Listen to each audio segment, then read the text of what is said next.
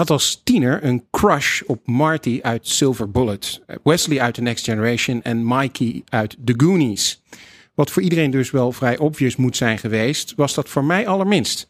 Het duurde nog jaren voordat ik begreep wie de echte Scream Queen in A Nightmare on Elm Street deel 2, Freddy's Revenge was. Hoe is het nu gesteld met queer representation in de geeky popcultuur? Daar gaan we het over hebben. Mijn naam is Sydney Smeets en dit is de Geeky Dingen Pride Edition.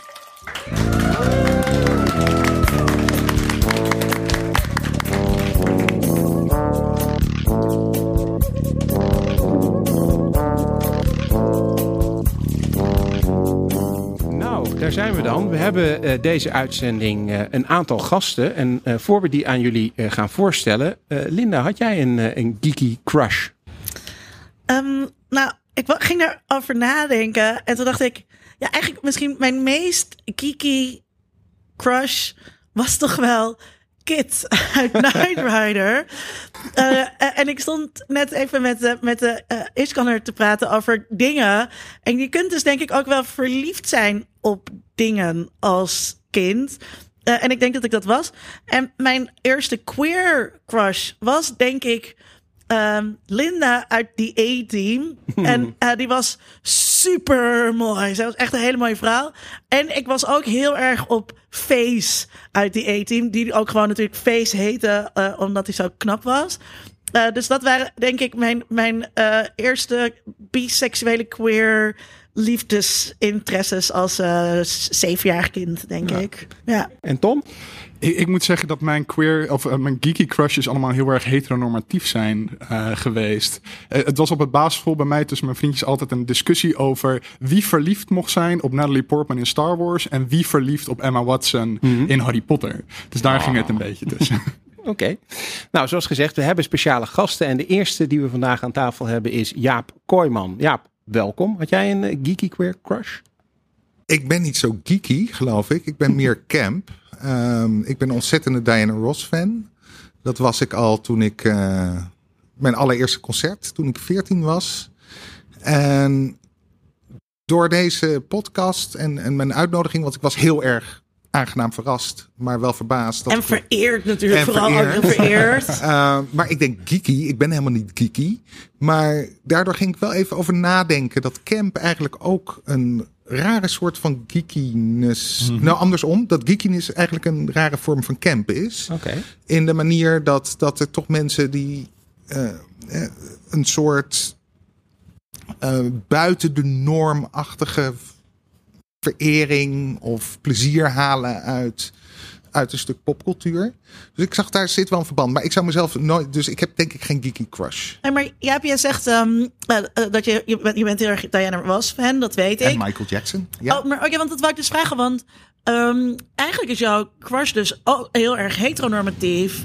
Terwijl, en uh, dat is voor, mag ik wel, ik mag je wel outen hier, denk ik. Ik ben, oh, jij oh. niet verder niet heteronormatief bent. Dus maar had je dan niet, waren jouw eerste crushes dan niet op, op, op uh, jongens, mannen, mannelijkheid? Een prachtige film. Heeft ook een Oscar gewonnen, Trevor uit 1995. Mm -hmm. En dat gaat over een uh, jongetje wat uh, geen geek is, maar een Glee-jongen. Dat mm -hmm. noemden ze toen nog geen Glee. Sorry, hoe? Glee, hè, van de, de musical. Oh, ja. En, ja.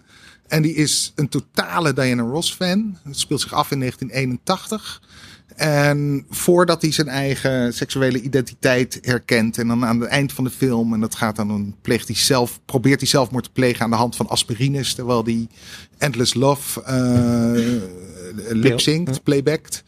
En dan uiteindelijk uh, moet, komt hij in het ziekenhuis. En dan krijgt hij een. Uh, dan wordt hij uitgenodigd door. Um, een, een nurse, maar dat is dan een jongen van 17 en die geeft hem dan kaartjes voor een Diana Ross concert. Dus voor heel veel mensen in die tijd is, zou een fan zijn van Diana Ross toch een soort voorteken kunnen zijn dat je misschien wat minder heteronormatief bent. Kijk. Wellicht. Ah, Oké. Okay. Wellicht. En, um... Maar ja, ik, ik, ik geloof daar verder niet zo in hoor. Ik denk dat. dat um... Want was je dan verliefd op Diana Ross of wilde je Diana Ross zijn? Nou, ik heb mijn haar toen. Ja, dit wordt wel heel persoonlijk allemaal. Maar, ik maar dat vinden onze haar... luisteraars leuk. en het publiek ook. Ik heb mijn haar toen laten permanente. Niet omdat ik op Diana Ross wilde lijken, maar op Michael Jackson. Ah. Dus dat, is, eh, dat was niet gelukt. Dus, Michael Jackson eh, wilde natuurlijk ook op Diana Ross lijken. Precies. Dus Ja. misschien eh, vind ik me daar in Michael Jackson. Nee, ik, Ik ben heel benieuwd naar deze foto's. Kunnen we die krijgen voor in de show notes? Ja, misschien later. Hey, je hebt het eh, al even gehad over Trevor, een film eh, uit de jaren negentig volgens Mhm. mij, waarin het eh, de verhaalboog uiteindelijk, eh, nou ja, erheen gaat dat hij zelfmoord pleegt, maar geloof dat hij dat niet doet uiteindelijk. Nee, het is met aspirine, dus Ja, dat precies. werkte niet. Het lukte niet helemaal, Ja. precies. Ehm, dat is misschien wel interessant om even te bespreken. Jij bent een mediawetenschapper. Je Mhm. weet veel van eh, de geschiedenis van eh, queer representatie in films. Ehm, hoe zit dat eigenlijk? Hoe begon het? En zijn daar ontwikkelingen in te zien? Ja, twee. ja, sorry, als wetenschapper moet je altijd eerst wat tenzijs noemen. Ja. Tweede, mijn, achtergrond is Am- Amerikanistiek. Dus ik ben Mhm. heel erg gericht op Amerikaanse media, dus film en televisie. En eh, verhalen over representatie van gay, queer eh, wordt vaak ook gekoppeld aan de Amerikaanse media. Terwijl als je daar onderzoek naar zou doen, eh, wat voor effect of rol het speelt, bijvoorbeeld in Nederland, denk ik dat films en televisieseries veel mindere rol spelen dan bijvoorbeeld Nederlandse soaps. Goede Mhm. tijden, slechte tijden. Of ehm, serie of eh, televisieprogramma's zoals eh, Uit de Kast en eh, Hij is en Zij. Hè, dus Goede tijden, slechte tijden, die natuurlijk nu tijdens deze Pride-editie een boot hebben. En ik zag een aantal mensen daar heel verbaasd over kijken. Terwijl ik dat als, als je dan zeg maar als Nederlands televisieprogramma een boot moet hebben, dan vind ik ook wel dat Goede Tijden dat eigenlijk wel die sporen heeft verdiend. nou ja, eigenlijk Goudkust. Maar, ehm, Hoezo maar, maar ook Goudkust? Tim. Leg eens uit voor die hele jonge luisteraars. omdat Goudkust als eerste een openlijke homoseksuele personage had, mannelijke. Moet ik wel zeggen dat Goede Tijden, Slechte Tijden had de eerste lesbische kus. Waarom tussen- zeg je lesbisch tussen Omdat het aanhalingstekens? twee heteroseksuele vrouwen waren. Nee, maar dat is. eh, wat, wat belangrijker daaraan is, is dat soort. Hè, we hebben. Ook binnen de wetenschap kijken we heel erg naar Amerika, enigszins terecht. Maar die verhaal over zichtbaarheid van homoseksualiteit, maar ook van GLTBQ plus in het algemeen, wordt heel vaak gekoppeld aan dat Amerikaanse verhaal. Ook omdat dat series zijn die wij in Nederland ook kijken en in andere landen. Ook dat daar veel meer gemaakt wordt.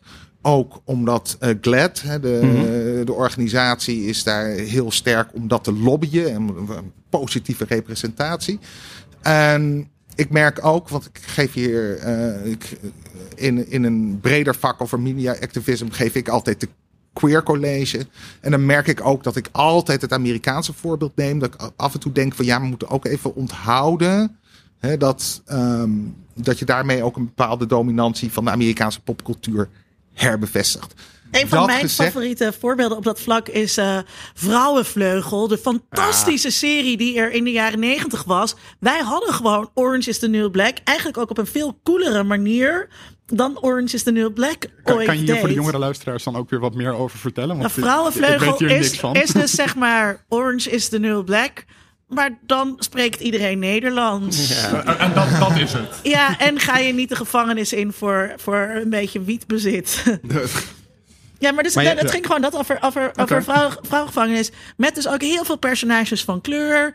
Eh, en, en dus ook allerlei lesbische eh, ehm, verhoudingen daarin. Maar ook eh, machtsrelaties tussen vrouwen, vrouwelijke bewakers en andere. Dus dat alles wat, wat nou ja, en Orange is the New Black is wat 20, 25 jaar later. Dus dat is wel wat jij zegt, ja, dat is wel een soort irritatie van mij. Dat, dat zie je bijvoorbeeld ook als het gaat over iedereen zit niet de hele tijd. Ja, weet je wel, de eerste Pride was een riot. En het begon met Stonewall. En weet je, al het LHBTQ-protest begon met Stonewall. Nee, helemaal niet. Dat begon in Duitsland aan het einde van de 19e eh, eeuw. Met Magnus Hirschfeld. En dat we zo slecht ook onze eigen geschiedenis kennen. En dat is ook uitgaan, ook als het gaat over populaire cultuur. En zelfs, wil niet vervelend doen of zo. Ja, maar ik vind het heel leuk dat je de gast bent bij ons. Maar dus jij doet dat ook in je college. Oeh. Maar eh, jij was nog wat aan het vertellen, ja, want je wilde volgens Nee, mij maar, nog dat, nou, maar het is, ik begin ook wel met die tenzijs. Eh, maar ik denk dat ook eh, dat verhaal. hè, kijk, Stonewall wordt altijd genoemd, 1969. eh, Judy Garland, Mhm. Dorothy dood. We gaan, nou, et cetera, et cetera. Het is natuurlijk niet één moment. Nee. Stonewall is gebruikt als een key moment om te zeggen: dit is een markeermoment van een veel langer proces waar we gaan van onzichtbaarheid naar zichtbaarheid. Ehm, en er, er zit een kern van waarheid in. We zijn van hè, onzichtbaar betekent in die betekenis van voor Stonewall is dat eh, eh, is dat eh, homoseksualiteit in principe onzichtbaar was door totale afwezigheid of door impliciete aanwezigheid door negatieve stereotypering. Mhm. Nou, de meeste mensen zullen Celluloid Closet kennen en die geeft heel veel goede voorbeelden van eh, hoe dat was. Het was eh, mannen waren vooral set young men die aan het einde eh, zelfmoord plegen. Eh, vrouwen, dat waren van die eh gymleraressen, die ehm, ook meestal ongelukkig eindigden, al dan Ja. niet dood. Even, het is heel simplistisch en er zijn altijd uitzonderingen, maar het idee dat homoseksualiteit een open homoseksuele, homoseksuele queer identity was in die periode ondenkbaar. Mhm. En is dat echt na Stonewall eh, veranderd? En, eh, nogmaals, Stonewall is zo'n key moment die we er nu opgeplakt hebben. Eh, de eerste eh, Gay Pride, of wat we nu Gay Pride noemen, eh, was naar aanleiding, een jaar daarna in New York, naar aanleiding van Stonewall. Maar dat, Mhm. er waren al, al bewegingen waren al lang bezig. En dat is het probleem altijd als je zo'n sleutelmoment kiest. Dan lijkt het, oh, we hebben ervoor en erna. Ja. Een soort coming out. En we weten van coming out ook dat dat een proces is wat eh, veel eerder begint en veel langer duurt. Ja, je hebt dus niet Arie nog een- Boomsma die het opeens fixt. En zo is Stonewall ook niet zo'n moment dat er is. En je ziet wel degelijk. En het, pro- het probleem is van zo'n eh, zo'n eh, proces, wat er zeker is, maar dat het heel lineair wordt gezien. En dan krijg je Mhm. allemaal eerste momenten. Dus het, Ja. eh, de eerste homoseksuele personage in de sitcom, dat was in 1971 bij All in the Family. Nou, dan krijg je Billy Mag Crystal. ik, mag ik, Ja, maar, oh, maar ik maak het even af en dan onthoud ik mijn vraag. Ja, doe maar je timeline. in 1960 Billy Crystal. Nou, Mhm. Een belangrijk moment, 1997, 30 april. eh, Ellen, nou, et cetera, et Mhm. cetera. Het, maar zo werkt het niet. Ik bedoel, het werkt niet lineair. Het is een constant proces van. ehm, eh, Dit is niet één stijgende lijn. Nee, en het gaat ook niet naar een perfecte vorm van zichtbaarheid. Ik bedoel, er is negatieve stereotypering, kunnen we heel goed herkennen. Bedoel, Mhm. als je teruggaat naar, naar, naar pre-Stonewall, tussen aanhalingstekens, ehm, kan je heel goed zien dat, dat, dat er eh, stereotypering waar, waar mensen, en dat laat Celluloid Closet ook heel goed zien, ook nog plezier aan konden beleven. Ja. Dus mensen die met een knipoog daar naar keken. eh, Oké, het was jammer dat die set young man aan het eind zelfmoord pleegt. Maar je kon wel naar die set young man kijken. Dat is het argument wat Richard Dyer maakt in, in Celluloid Closet. Mag ik, mag ik me nu mijn Ja. vraag stellen? Want eh, je zegt uh, All in the Family ehm, eh, was heel belangrijk. Dat is een soap. Nee, dat is een sitcom. En het was niet zo belangrijk, want het was in het eerste seizoen. Dus dat is, het was wel de eerste. Dan Archie Bunker, die natuurlijk heel Oh ja, dat is met Archie. Bunker. En dan, ehm, eh, en dan, dan, dan zijn beste vriend is een voetballer. En, Een American voetballer. En die, dan zegt hij, ja, dat, dat, maar die is een bachelor. En dan zit hij van, waarom heb je eigenlijk nooit eh, vrouwen? En dan zegt hij van, dat ik niet op vrouwen val. En dan is Archie Bunker helemaal van slag. Ja. Eh, en daar zie je dus dat, dat discussies over homoseksualiteit ook en queer identity en, en andere queer identities ook altijd over gender gaan. Want het gaat over nou, masculine mannen die kunnen geen homo zijn. En, Mhm. en die stereotypen, die set young man is Ja. natuurlijk altijd vervrouwelijkt. En die oude vrouwelijke, of de stereotypen van de lesbiennes waren natuurlijk butch, Butch, vrouwen. Butch Dykes. Mijn, mijn, Ja. vraag, mijn vraag gaat vooral denk ik over de receptiekant. Ehm, betekende dat dat. Eh, want dat wordt natuurlijk wel over, over, is over Nederlandse soaps heel erg gezegd. Omdat die personages er in soaps waren, konden in één keer moeders erover praten dat hun zonen eh, misschien homo waren. heeft dat het ook echt gedaan? Maakte dat het onderwerp bespreekbaar? Of was het zo dat het onderwerp eigenlijk al best wel veel besproken werd en televisie daar uh, uh, op inhaakte?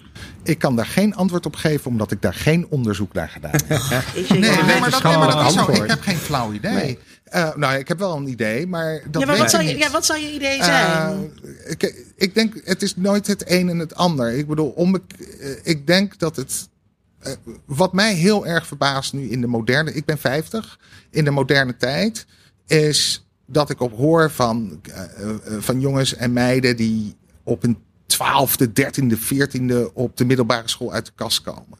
Mm -hmm. nou, toen ik tiener was, was het ondenkbaar. En dat is nog helemaal niet zo. Ja, het is best wel lang geleden, maar nog helemaal niet toen zo Jaap, ontzettend. Beste luisteraar, toen Jaap net zei dat hij 50 was, ging er een schok door de zaal. Nou, zo zie je er toch niet uit. Oh, dankjewel. Nee, maar, nee, maar dat is echt. Uh, wat nog veel sneller is gegaan, is, is de discussie over uh, transgender. Mm -hmm. Is it's het is echt ongelooflijk. ongelooflijk. We hadden in, volgens mij was het 2004 toen die documentaire over Valentijn er was. Mm -hmm. En toen was een hele discussie bij, bij mijn studenten over cultuur.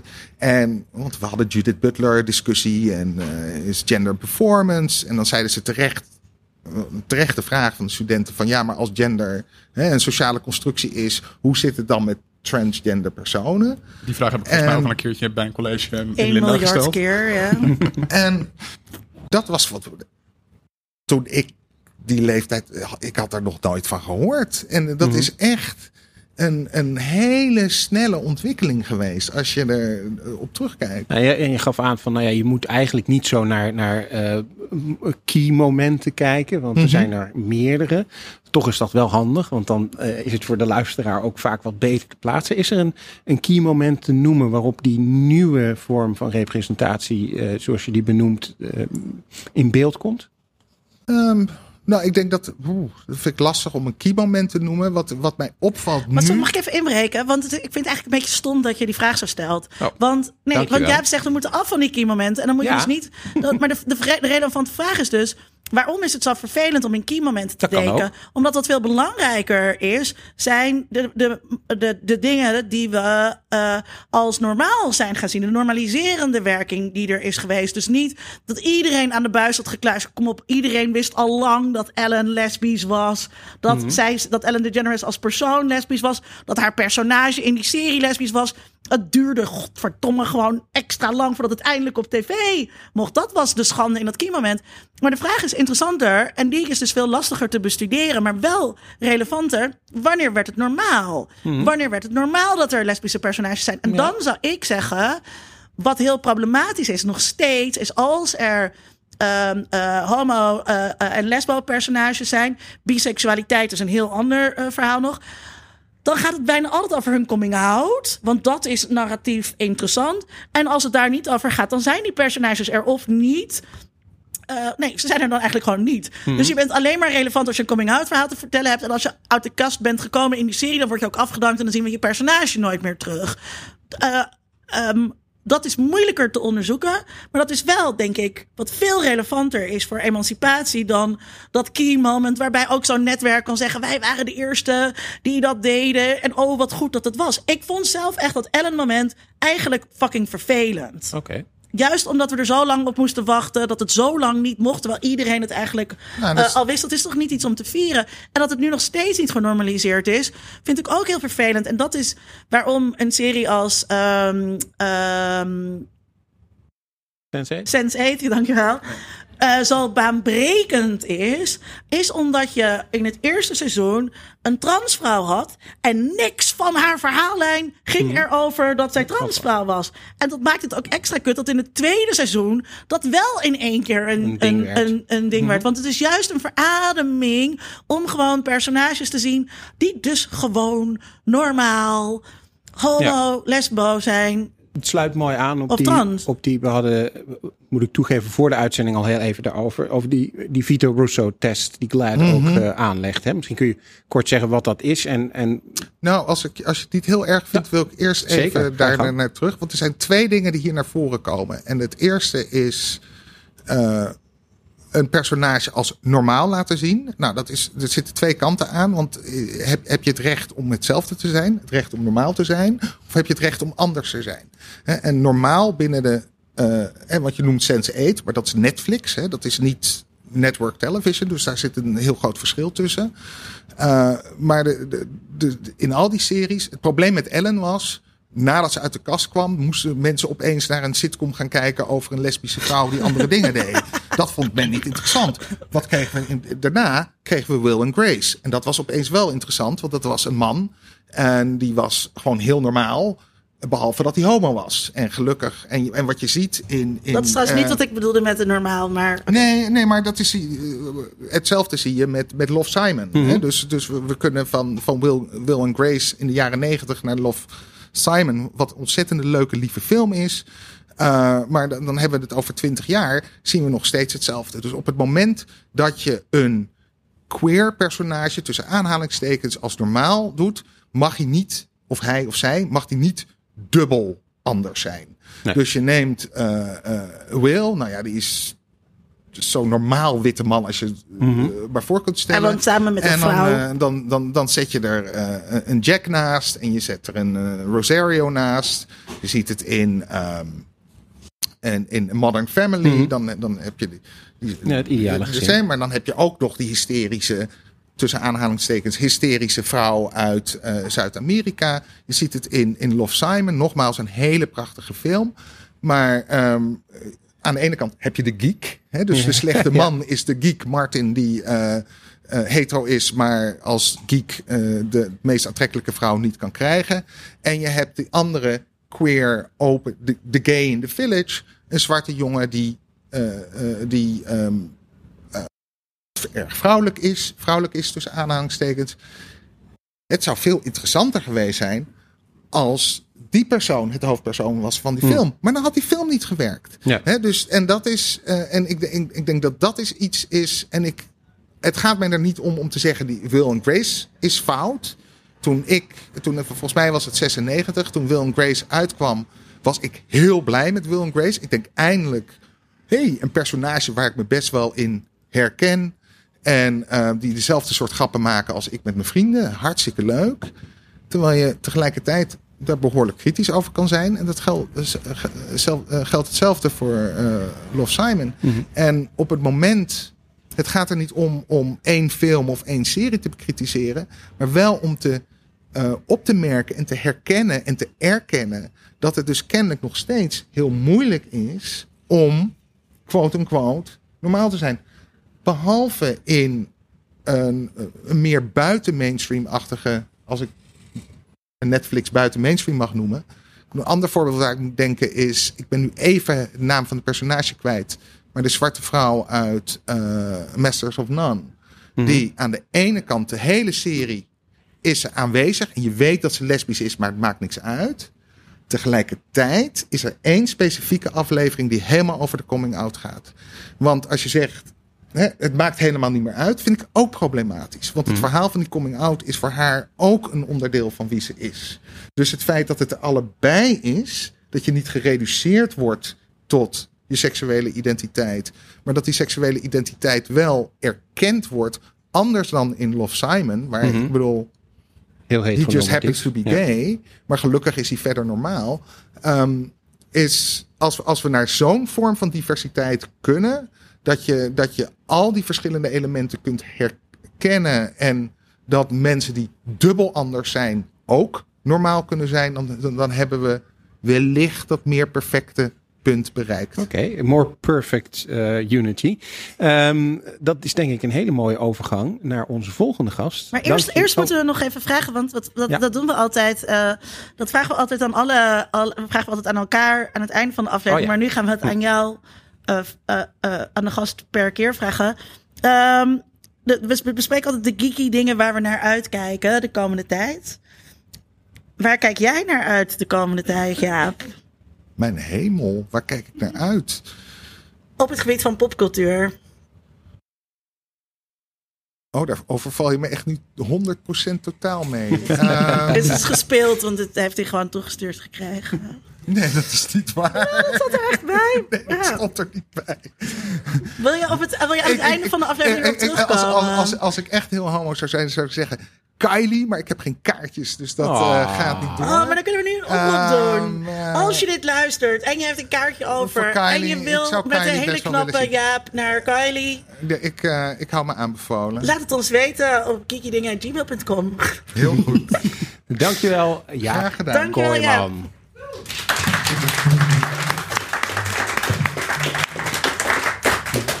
Want eh, na Jaap hebben we onze volgende gast. En dat is Werner Borkes. Werner is directeur van de Roze Filmdagen. Dus de ideale persoon, denk ik, om eh, te praten over hoe het nu eh, met de roze film is gesteld. En wat is een roze film eigenlijk? Leuk, leuk, Werner, dat je er bent. Ik ben aangewezen als jou, eh, als degene die jou moet gaan eh, bev- bevragen. Eh, terwijl, als de anderen een vraag hebben, dan kan, dan kan het ook Mhm. wel. hoor. Maar ook, ook voor jou om te beginnen. ehm, hoe geeky ben jij eigenlijk? en dan dacht ik, oh, dat ben ik niet, wetenschappelijk. en zo. Eh, want alles wat ik doe is, dus zeker gerelateerd aan roze filmdagen, ik doe alles op gevoel. Dus ik, ik heb geen... eh, Zeg je nou dat geeks geen gevoel hebben? Nou, Want nee, nee, nee, nee, maar ik, straks bedoel, ik, heb geen, geen, eh, ik heb geen universiteit gedaan of wat dan ook. Dus dat, eh, ik ben een doener en doe alles vanuit mijn hart. En, en men denkt altijd dat ik heel veel weet eh, over film, omdat ik het al heel lang doe. Maar het zijn al mijn keuzes voor de films. Eh, is omdat ik het gewoon mooi vind, omdat ik ontroerd ben, omdat ik eh, ongelooflijk moet janken om iets heel stoms. En, denk van, en uiteindelijk blijkt elk jaar dat het klopt. Dus ik, ik, ik heb iets in me wat, wat ik zelf niet helemaal snap. Maar Ja. dat. eh, ehm, maar ik bedoel, ik, heb wel, ik hou heel erg van musicals. In theater en in, eh, oh, in film. Dus moet ik, de, de Mamma Mia was eh, mijn laatste geeky. Ik kan er niet meer naar uitkijken. Voor, eh, maar daar heb ik bijna de hele film op janken. Want ABBA was mijn grootste eh, Ja. eh, maar, je- goed. maar, jullie hadden dit jaar als openingsfilm eigenlijk een hele geeky musical. Want dat was een tijdreisverhaal. Nou, ik geloof dat je de enige dan bent die Ja. dat geeky noemt. De Oké. meeste vond het afschuwelijk. Wij zijn, wij zijn er Wel, dus het is prachtig onderling- is, maar eh, het, fanta- het was, ja, ik vond het fantastisch. Maar de, de muziek, eh muziekgenre wat, eh, wat gebruikt was, wat moeilijk Ja. voor de Ja. meesten. Het was niet, niet geen Mamma Mia met herkenbare en meedijn liedjes. Dat je nog heel lang, het was toch een soort opera-achtig. Mhm. Ik vond het fantastisch. En ook inderdaad de tijdreis en alles. Het was eh, heel bijzonder.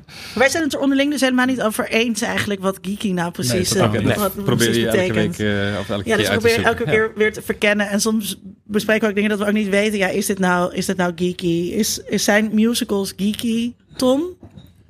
Ehm, Misschien moeten we het dan Ja. ons publiek vragen. hangt er een jullie beetje musicals geeky? Ja, ja en oh, nou, dat is ongeveer 50-50. 50-50. Nee, ja, nee. Ja, oh, nu krijgt het publiek ruzie met elkaar. Nee, ik, ik vind zelf van niet. bedoel, ik vind het een van de mooiste dingen wat er bestaat. Maar ik weet dat heel veel mensen om me heen het niet snappen. En daarom denk ik van, oh ja, dan zal het dus wel... eh, ik bedoel, ik, mijn, mijn, mijn eh, de- een van de beste music ooit is eh, Oliver. Mhm. En eh, eh, nog steeds een van de weinige films die ik nu al honderd keer gezien heb. En nog steeds elke Dat keer... is geeky. Een film honderd Ja. keer. Dat maar die is zo. En laatst was hij nog een keer. En denk ik, oh, en dan kan ik om die vier uur of zo. En eh, het is uit 1965, ja, dat ik geboren ben. Dus dat, dat waarschijnlijk Dat zou je is ook dat. niet zeggen. Nee, dank je. Eh, dus ik ben nog ouder dan eh, de vorige gast. Maar, ehm, dat, en, maar ook dat is nog steeds zo ontzettend mooi. En, en elke keer weer eh, doet het me wat. En denk ik van, ja, eh, ik nu kan ik weer sterven, want dit heb ik toch mooi gezien. En Ja, dat- dan weer dat gevoel. Dus Dat, zou, dat eh, zou ik wel echt heel ja, erg ja. vinden. En Werner, je bent de directeur van de Roze Filmdagen. Mhm. Waarom hebben we eigenlijk Roze Filmdagen? Ehm, de, de oorsprong ligt in, ook het feit trouwens weer, en komt Stonewall even als eh eikmoment. Er was ooit, dat was, ik bedoel, ik ben wel oud, maar nog niet zo oud. Eh, voor de Roze Filmdagen was er een heel groot filmfestival in Amsterdam. Het is twee keer geweest. Het was één keer in de vijf jaar en was het eh Gay and Lesbian, Holland Gay and Lesbian Filmfestival.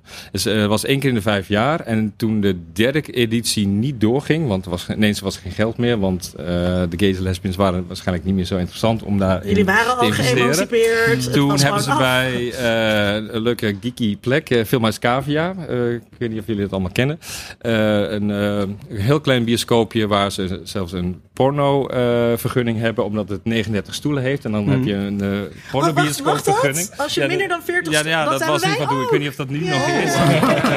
We gaan nu porno draaien. Eh, dan, maar dat vind, ik altijd heel erg leuk. Maar daar is er, eh, zaten wat mensen die hadden zoiets van... oh, wat jammer dat dat grote festival niet meer doorgaat.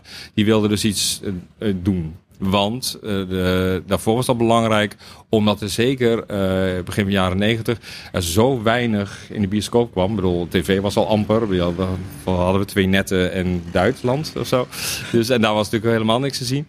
Ehm, toen hadden ze gedacht van ja, nee, het is voor, eh, voor ons, zeg maar ons feestje, onze representatie. Wij zoeken films. En dat was natuurlijk toen destijds nog geen computer. Veel moeilijker om wat films eh bijeen te sprokkelen. Dus het was een eh, lang weekend en dat is toen rondom eh, de viering van Stonewall in juni is dat toen opgezet.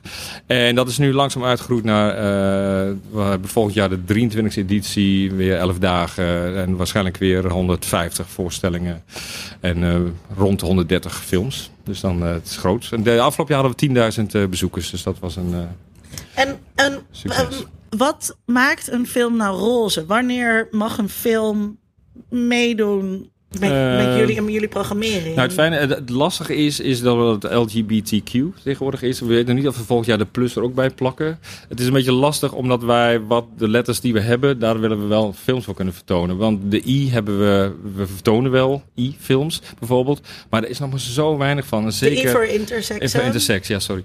En, nou ja, ik, eh, ik, ik ga ervan uit dat alle onze luisteraars dat weten, maar ook weer niet. maar dat is misschien wel handig om te zeggen. Maar de, eh, dus de rest, dat is, zit er allemaal wel in. Ook al eh, kun je discussies voeren over wat de Q, eh, wat dat precies is. Queer is, eh, bij ons klinkt het politieker, vind ik vaak, dan dat bijvoorbeeld in Amerika. Dan wordt zeg maar de LGBT gooien ze dan onder queer. Dat, maar dat wisselt ook. In Australië is dat weer meer dan in Amerika. Maar we hebben dan LGBTQ van queer of questioning.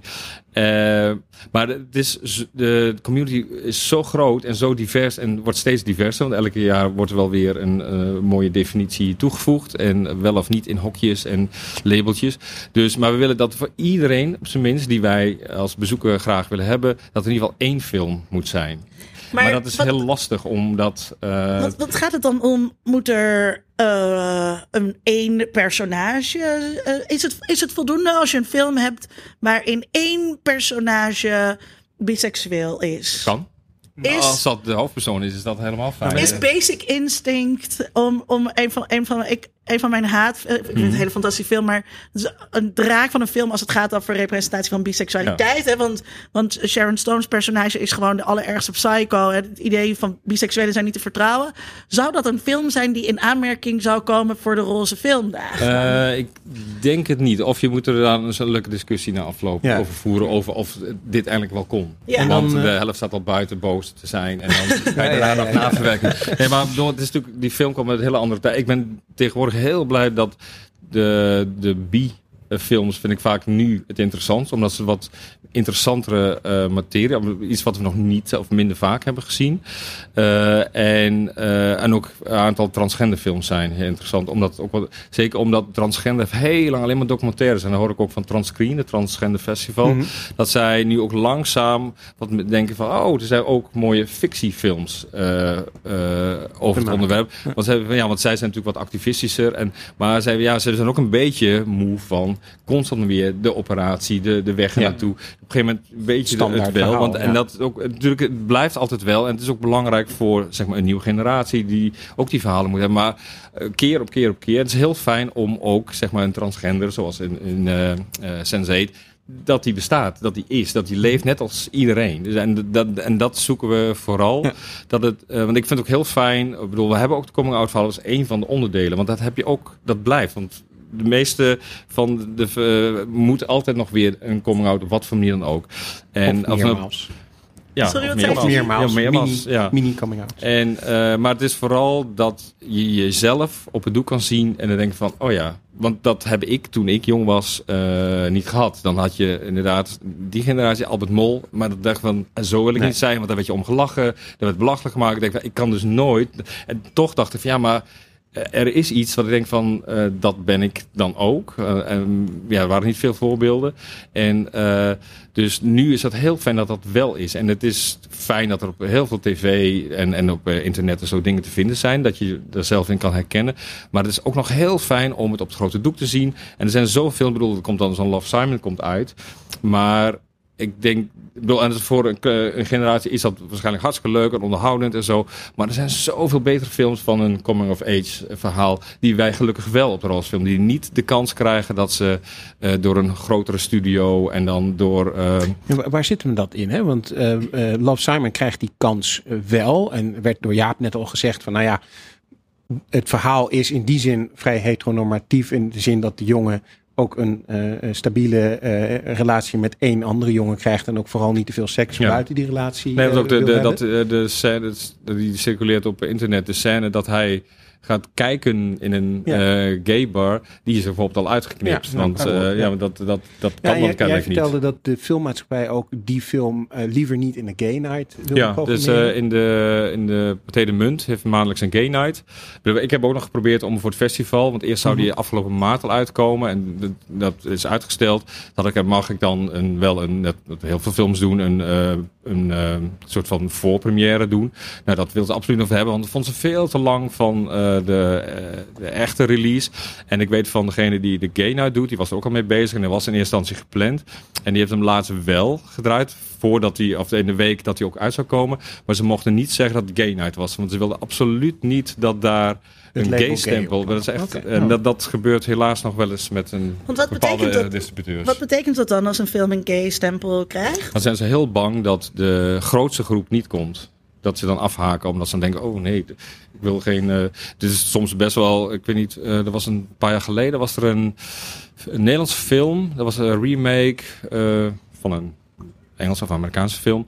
En daar zat onder andere Tycho Gernand in. Mhm. Eh, en er was met een, werd een meisje ontvoerd. En er was een soort driehoeksverhouding tussen de twee ontvoerders. En die ze probeerden nog geld. En, op- en op een gegeven moment blijkt dus dat de tweegenen die haar ontvoerd hebben, waaronder Tycho Gernand, dat die in de, in de gevangenis waar ze ontsnapt waren, een verhouding hadden gehad. En dan komt er dus ook een zoen. En ik zat in die zaal, want ik wist dat helemaal niet. Ik had wel iets gehoord van, god, er zit iets in. eh, qua uh, gayishness. En nou, de hele, want een heleboel eh, van die stoere opgeschoten jochies kwamen Mhm. dus voor stoere Ja. eh, snuif, snuif. Hartstikke leuk, want dat is cool. En die ging dus eh, lopen bekken met die tegenspeler. volgens mij was het van een jongen van Marokkaanse afkomst. Mhm, ook nog. Dus die, dat, dat, daar kwam, was ook een groep voor gekomen. En die zaal werd helemaal gek. Dat kunnen ze gewoon niet aan Handelen. dan. Nee. En dat is echt zo te, En dat is ook belangrijk voor als je als Roos Filmdagen bezoeker. Dat is ook heel fijn dat je in een zaal zit waar iedereen de code snapt. En dat je gewoon veilig Ja, om bij dergelijke films. Want eh, ja, bij... Ja, en, en doet soms zo'n film als, eh, eh daar hangt eh, voor de luisteraar, want er wordt de hele tijd over Love Simon gesproken. Dat komt omdat er hier een poster van Love Simon hangt. En, eh, En er zijn ook daarnaast- allemaal Love Simon prijzen te Ja, vinden. ook dat nog. En daarnaast hangt een poster van eh, Deadpool 2. Wat een semi. Ik vind het, ik vind het een vrij. Misschien even aan het publiek vragen. Ik vind het best wel een soort erotische, homo-erotische pose van Deadpool 2. Ja, nou. Reacties. eh, Er in zit één, vrouw zit heel heftig. Ja, ja, dat vind ik wel homo-erotisch eh, te knikken. En een aantal je- mannen zegt het nou niet zo. Wat vind jij, Werner, eh, van zo'n film als Deadpool 2? Eh, eigenlijk tweeledig. Hè? Mag ik eerst, mag ik eerst Oh, wat anders sorry. vragen, Sydney? Want ehm, je, je, zegt, je zegt eigenlijk twee dingen die denk ik eh, belangrijk zijn. Enerzijds ehm, heb je dus een soort van mainstream blockbusters nodig... waarin homoseksuele representatie zich voordoet... omdat het publiek dat naar de roze filmdagen komt... Wee komt voor een bepaald soort films, wil dat ook graag zien. Maar dat betekent ook dat dat soort films een beetje uit de mainstream gehouden eh, worden. En het tweede eigenlijk wat je zegt, is dat er, eh, en dat is nog iets anders, dat er dus onder eh, het LHBTQIA-publiek behoefte ook is aan een soort veilige filmruimte. Om films te kijken zonder het commentaar, zonder het gelach, zonder de hoon misschien van je mede-heteroseksuele bezoekers. Ja, ik denk allebei, maar ik denk niet dat. ehm, er worden zo, afgelopen jaar hadden we bijvoorbeeld eh 2300 inzendingen. Dat is nog niet eens alles wat er sowieso is. We kunnen er maar 125 van laten zien. Dat is lang, kort en documentair. En eh, er is zoveel, maar de, de distributeurs die we eh, moeten geld maken. En die zien niet het geld in zeg maar de, de, de LGBT films. En, en enkele die markt ook niet. Uh, nou, dit, is een hele lastige markt, omdat uh, die toch wat kleiner is. En zeker, bedoel, dan is het vooral, want de gay nights wordt alleen maar gevuld met homofilms. Want uh, de vrouwen, dan zeggen ze altijd, ze komen niet. het is een kleinere groep, die zitten thuis. En die... Biseksualiteit bestaat niet. Ja, dat, dus vooral, want de gay nights zijn vooral de, de mannenfilms. En dat is ook al weer minder, omdat het toch, het, film aankopen kost veel geld, om dat er weer uit te krijgen. En dus dat, dat, het is heel lastig. Dus daarom is het wel fijn dat zoiets is als uh, uh, een festival. Ook al nu is weer eventjes zo'n host dat ineens allemaal films aangekocht. En vaak worden ze in januari uitgebracht, want dat is een slappe maand. Want dan heb je alle blockbusters voor de kerst gehad. En daarna moeten ze ook weer iets. En dan, maar dan kun je de homo's. En dan kun je wat. En dan zo in de zomer doen ze dan nu wat. En nu heb je bijvoorbeeld de Happy Prince en zo. Dus ja. worden wel, maar ook vaak heel uh, uh, geruisloos bijna. Ze mm -hmm. zijn er dan wel. Dus ze zitten een beetje te koketteren. Oh ja, leuk. Die doen wel leuk voor de homo's. Maar uh, het, het, is lastig. Maar sowieso film tegenwoordig uitbrengen is lastig. Dus de, de, de, distributeurs die weten vaak ook niet zo goed wat ze ermee moeten. Of vaak zijn het ook nog films die ze bijvoorbeeld als package deal. Dan kopen ze een grotere film. Maar dan moeten ze van dezelfde studio iets kleins erbij nemen. En dan denken ze, oh ja, we doen het maar even in relatie. Want we hebben het toch gekocht. Maar ja, na twee weken is het alweer weg of zo. Dat is, wel heel erg Is dat eigenlijk niet een breder probleem, denk ik, dat je ziet dat uh, bedrijven, of dat nou filmmaatschappijen zijn of andere commerciële bedrijven, uh, ergens wel willen meeliften op dat hele, uh, die hele roze economie. Maar ook niet te expliciet, want dan ga je misschien mensen tegen het hoofd uh, stoten.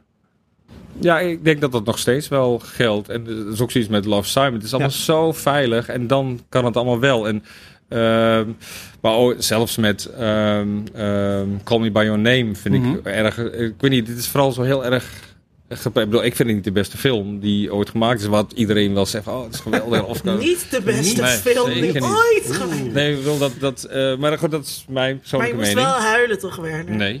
Oh.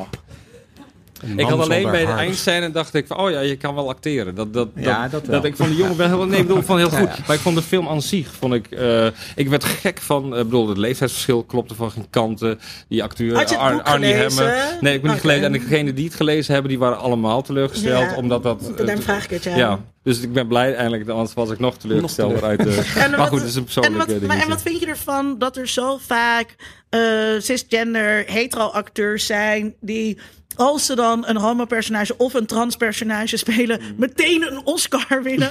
Want ja. wow, dat is een acteerprestatie. Ja, dus dat of dat of een handicap hebben Precies en dan een Oscar ja. winnen. Dus dat bedoel, dus, maar dat maakt een beetje van, oh ja, dus een homo is staat gelijk aan een enge ziekte. Of, uh, dus dat vind ik wel uh, discutabel. Ja. Dus, uh, maar en, en over uh, uh, zeg maar transgenderrollen. Want nu net, uh, hoe heet ze? Uh, Scarlett Johansson. Die heeft net de rol teruggegeven. Dan, ik weet niet precies welke film het is. Uh, ik vind het wat dubbel. Ik bedoel, ik vind het prima. Uh, uh, ik, ik, vind vooral dat er goed geacteerd moet worden. Dat, dat ik een hele mooie film zie. Mm -hmm. Bijvoorbeeld bij de Danish Girl was ook heel mm -hmm. veel commentaar. Terwijl ik daar, een van de weinige, zeg maar, transgender gerelateerde films, dacht ik van ja, maar het gaat helemaal de opera tot aan de operatie. Na de operatie is het al heel snel ja. afgelopen, ja. helaas. Ja. Uh, voor, voor, voor hem, haar. maar ik heb het aan de andere kant is van, maar kan je dan als transgender uh, acteur ook dan alleen maar transgender rollen. Die zijn er ook nee. niet zoveel. Dus dan wil je toch ook graag, en ik denk dat je ook wel heel graag dan uh, andersoortige rollen. Ik bedoel, je wil graag een rol spelen, een karakter. Ja. En, uh, maar ik, ik snap wel dat, dat sommigen denken van ja, dan gaat het inderdaad, dan is een naam en die krijgt dan gelijk een, uh, want het is zo dapper. Dat, ik bedoel, wat je in de tijd ook gehad hebt met, met homo-rollen. Uh, ja. Van oh ja, wat, maar dat werd altijd gevraagd van wat, wat knap en was dat niet moeilijk om dan met een man te zoenen. Ik denk van, het is acteren, kom op. Maar dat, dat is nog steeds, alles ligt nog zo uh, gevoelig. Dus dat, dat uh, ja, helaas. Maar ik hoop dat het uh, beter gaat. En Sydney wou nog wat vragen over Deadpool. Ja, oh ja, nou ja, ik ben heel benieuwd naar, naar wat jij van Deadpool, ik, weet, ik weet het stiekem al, maar wat jij van Deadpool vindt. En de manier waarop daar queer representation, weet niet hoe u het Nederlands moet zeggen.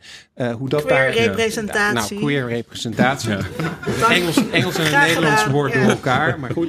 Um, ja. hoe dat daar in beeld wordt gebracht en hoe ze er daarmee nee, Ik vond het zo fantastisch dat, uh, ook al bij de eerste al, zeg maar, uh, hoe hij zeg maar met zijn eh, voorkeur, eh, ze, Mhm. zijn eh, gender speelt. En Mhm. dat, dat dat best wel uniek is binnen zeg maar, het hele superhelden eh, thema. Ja, hier en daar is er dan wel. En dan is er wel een karakter die dan ergens in de stripboeken wel eh, zeg maar een coming out heeft. Wat, maar die dan leuk voorbij fietst. Een heel klein rolletje of zo. Maar niet sowieso uiterlijk eh, zeg maar, dat toont. En bij Deadpool is dat wel. Ook al eh, wat ik al zei. In de tweede vond had ik wel gehoopt waarschijnlijk. Dat hij ook eh, iets met een man. Want dat was ook een beetje eh, wat- wat, men van tevoren zei. Maar wat van zo fantastisch was. Los van hoe geweldig die film en de, de karakter is. Dat zeg maar de twee meiden die in de film zitten. Dat zo zeg maar bijna schaamteloos er gewoon zijn. En dat is zo heerlijk. En dan geen moeite. Hij maakt er ongelooflijk foute grappen over. Maar wel vanuit een heel goed hart. En wat past bij hem. Maar zij zijn zo eh, eh, mooi. ja, als bedoel, een representatie van Mhm. eh, die liefde en van, van die eh, seksuele voorkeur is dat gewoon heel mooi. Ik, ik noem je ook nog een voorbeeld van eh, een hele platte film Blokkers. Ik weet niet of iemand die kent. Een beetje in de, wat je vroeger had met eh Porky's eh, mhm. series. Dus alleen maar van we willen nu seks, eh, want eh, morgen Want we zijn we... zijn tiener. Ja, want we zijn tiener. Maar wat ik zo mooi vond is dat het, eh, ja, het is een hele weer zo, maar dan ouders die heel bang zijn dat hun eh, dochters s s'nachts ontmaagd gaan worden. Op, op het, de, Wat ook voortdurend gebeurt. Ja, Vaders, hou je dochters thuis. maar er zit dus ook een van de drie meiden, wordt je al snel duidelijk, is, ja, die, die houdt een beetje af steeds. Die denkt van, ja, ik wil niet met ze doen. Want ze is lesbisch. En er zit zo'n mooie, in zo'n hele foute mainstream Amerikaanse film, zit er zo'n mooie lesbisch lijntje in. En de verhouding met de vader. Ik bedoel, er zit wel een coming-out dingetje in. Maar het, eh, niet zo als, eh, eh, wat eigenlijk nog wel een beetje eigenlijk in Love Simon. Mm. Maar, maar ook al is het dan heel begrijpend. En oh, Ja. wat, eh, we houden toch van je. Maar bij- ik vond het zoveel mooier eigenlijk in zo'n... Denk van, god, dat kan dus ook zo af en toe. Maar dat weet je soms niet. En ineens is dat. En denk van, hé, wat fijn. Dus eh, het, het kan wel. Wat super belangrijk is. Er is iemand Oké. in de zaal die had een, die had een vraag. Je dan niet dat, kijk, ik ben heel blij met de lesbische relatie in Deadpool 2. In dezelfde film wordt ook een biseksueel personage vermoord na vijf minuten. Biseksueel alleen in de comics. En Shadowstar, de, de ninja met de zwaarden, die is biseksueel in de comics. Een hele grote haai, die me aangekondigd werd dat hij in de uh, films zou komen. En hij wordt vermoord in vijf minuten. Uh, dan vind ik persoonlijk dat je de scheids iets te veel credit geeft voor een bepaalde representatie, als ze andere representatie niet aanmaken. Oké, de, vraag uit, de vraag uit de zaal is: eh, oké, dat, is, dat is leuk, dat lesbisch lijntje, maar er zit ook een biseksueel personage in, waar fans, eh, wat ook in de comic zit, waar fans heel excited over waren. Maar zoals we wel vaker zien, na vijf minuten werd dat personage afgeslacht. Goeie. Heb jij daar iets op te zeggen, Sidney? Nee, ja, dat, is- dat is bijzonder jammer. Ja, Eh, ja. ehm, ik, ik- nogmaals, of je daarmee de schrijvers te veel credit eh, geeft, dat weet ik niet. Want ze hebben die representatie er wel in gestopt. Eh, het is inderdaad jammer dat het voor dat karakter niet geldt. Datzelfde probleem zie je een beetje bij ehm, eh, Black Panther. Black Panther is super divers, is super belangrijk, is super goed. Maar de lesbische verhaallijn is er gewoon uitgeknipt. En maar ook echt, dan- echt alleen maar voor economisch Ja, gewin. ja. Omdat een bekende acteur En- toevallig Oscar genomineerd Exact. was. Tom, misschien moet je dat even uitleggen aan, aan, de luisteraars die dat niet precies weten Ja, het is ik, weet alleen de namen van de karakters even niet meer. Dat doet er niet zoveel Eh, toe. Oké. Ehm, Oh, ze maar- doen wel toe. Nee, het is wel belangrijk natuurlijk. Wel is het belangrijk om een namen te noemen. Ja, dus er wordt uit de zaal ook, ook genoemd. Hè. Er zijn twee karakters die in de comics eh, een lesbische verhouding eh, met elkaar eh, hebben. Sterker nog, dat is ook echt gef- gefilmd voor de film. En dat is er uitgeknipt. En dat is er met name uitgeknipt omdat de acteur eh, die in de film waarvan ik de naam nu even vergeet. eh, eh, Get Out? Get Out inderdaad een Oscar heeft gewonnen.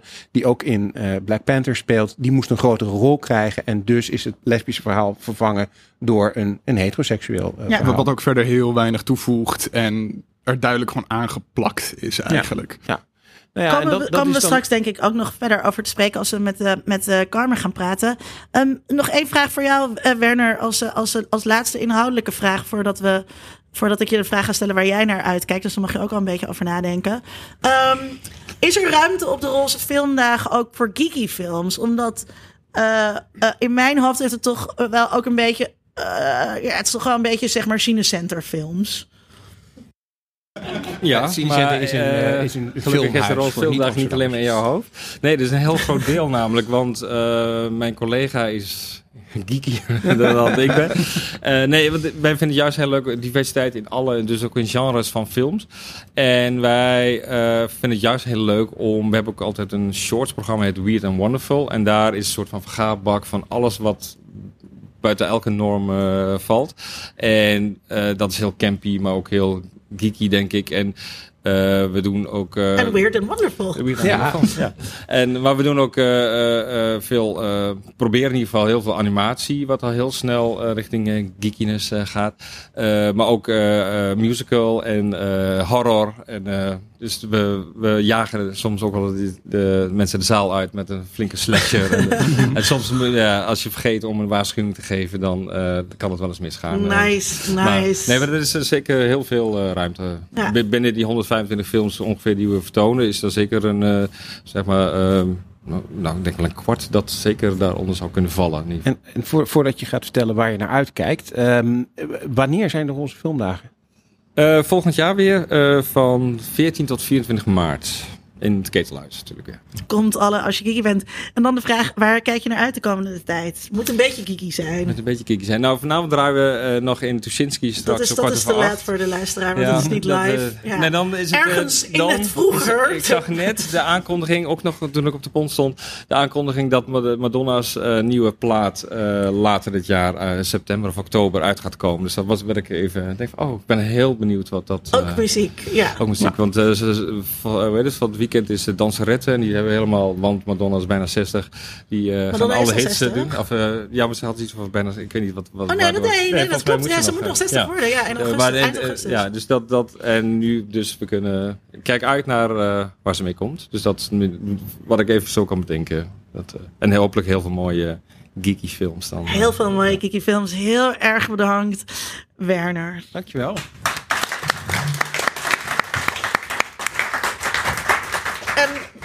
Wisselen we naar onze derde gast. En dan geef ik even het woord aan Tom. En sneak ik zelf even Ja. heel snel naar de wc. Dat heeft de luisteraar dan gewoon niet zo, door. Linda. Succes, Linda.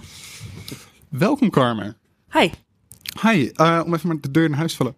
Hoe geeky ben jij? Ah, ja, god, eh, ik weet het niet. Ik heb mezelf nog nooit zo genoemd in elk geval. Ik heb misschien wel interesses waardoor je zou kunnen zeggen van, oh ja, misschien is zij wel geeky. Zoals? Ehm, ik denk dat mijn meest geeky interesse wel horror is. Horrorfilms en horrorboeken vooral. Oké. Ik hou ook van Marvel films. Ehm, ik heb alle Star Wars films gezien. Nou ja, dat is een beetje standaard, toch? Hè? Dat is bijna, bijna commercieel tegenwoordig. En eh, misschien kun je nog voor onze luisteraars eh, vertellen. Je bent Carmen Felix en Ja, je ben bent hoofdredacteur van de Gladio. Je noemt het zelf volgens mij niet hoofdredacteur, of wel? Ja, ik noem het hoofdredacteur. Ja, nee, er werd mij net gevraagd, noem ik het hoofdredactrice of ho- hoofdredacteur? En ik noem het altijd hoofdredacteur eigenlijk. Maar ik vind redactrice ook... Ook prima. Ja, prima, maar iets lelijker klinken. Weet het niet. Ja, en wat, wat is de gladio precies? De Gladiol, ja, ehm, eh, ik heb een beetje een allergie voor het woord satire, maar je zou ons wel kunnen omschrijven als een satirisch eh, online eh, tijdschrift eigenlijk. We, we plaatsen elke dag een, een, een soort van grappig artikel. De bedoeling is dat iedereen altijd moet lachen om ons. En we proberen naast mensen, eh, vooral jonge mensen, aan het lachen te maken, ook ze iets bij te brengen. Dus er is altijd een soort van maatschappij-kritische laag zit er altijd wel eh, in. Dus we kunnen het hebben over eh, best wel infantiele dingen, zoals bijvoorbeeld waarom draagt iedereen opeens spijkerbroeken met lelijke gaten erin, maar ook over waarom is seksisme nog zo normaal op, op de werkvloer. Dus dat, daar schipperen we een beetje tussen. Ja, ik zag ook dat jullie eh, ook wel eens eh, dingen een beetje in het queer domein aankaarten. Ja. Hoe, hoe doe je dat op een manier dat, dat mensen er en om kunnen lachen en nog er iets op van kunnen steken? Nou, sowieso door queer mensen daadwerkelijk aan te nemen en Oh, eh, ja, dat helpt. niet als, als, eh, nou ja, als hetero vrouw daar eh, eh, veel over te gaan schrijven. Ik, ik draag natuurlijk wel bij. Ehm, ja, we proberen gewoon eigenlijk voor alles gewoon niet per se dat het altijd alleen maar luchtig hoeft te zijn, maar wel dat er iets in staat waardoor het fucking herkenbaar is. En dat kan dan een grap zijn over eh, die vervelende tante die iedereen heeft, die telkens maar aan je blijft vragen van wanneer komt, wanneer neem een keer iemand mee naar, naar het kerstdiner? Terwijl jij denkt van ja, maar ik ga mijn eh, vriend of vriendin hier echt niet mee naartoe nemen, want ik ben eh, letterlijk drie jaar geleden uit de kast gekomen en alsnog voel ik me niet op mijn gemak in deze familie met Mhm. dat gegeven. Dus dat, dat, dat soort grapjes, ja, herkenbaarheid is wel een hele belangrijke, denk ik, bij eh gladiool-artikelen. En je zei net van eh, het is belangrijk ook om, om queer mensen eh, aan te nemen. Überhaupt om diverse mensen aan te nemen, Ja. denk ik. Zeker. los van queer. Ehm, dat is iets waar ik toevallig onlangs eh, ook met eh, iemand over sprak op, op Comic Con in, eh, in, in, in Amerika. Waarbij Humble break dat je daar was. ja, ja. Maar daar gaan we het niet over hebben. Waar, waarbij ik wel wil zeggen dat op Comic Con die, die diversiteit en representatie echt een, een ding was. Hè. Dat werd heel veel besproken. En een van de dingen die daar ook naar voren kwam was precies wat jij zegt. Hè, dat het belangrijk is niet alleen om mensen ja, te laten zien. hè, dus van er is een persoon van kleur of een lesbische vrouw of een eh, transgender persoon. Maar ook om die karakters te laten schrijven door iemand Ja. die zelf die ervaring heeft. Zeker. Wat zijn jouw gedachten daarvan? Nee, daar ben ik het helemaal mee eens. Ehm, ik, ik merk wel dat het bij de gladiool is het vanzelf gegaan. Ik heb het samen met Martin Mantel, dat is die jongen die hier zit met het rode petje. Hey Martin, eh, opgericht. En ehm, wij bevinden ons gewoon in een scene waar wij gewoon heel veel diverse mensen kennen. En dat kan dan zijn van een Marokkaanse homo tot een Surinaamse hetero jongen. eh, en, eh, eh, of, een- of een moslima. We willen gewoon, tenminste dat was... Het is eigenlijk gewoon zo gekomen, maar ik denk wel dat je er bewust mee bezig moet zijn, eigenlijk. Als je dat nog niet aan het doen bent.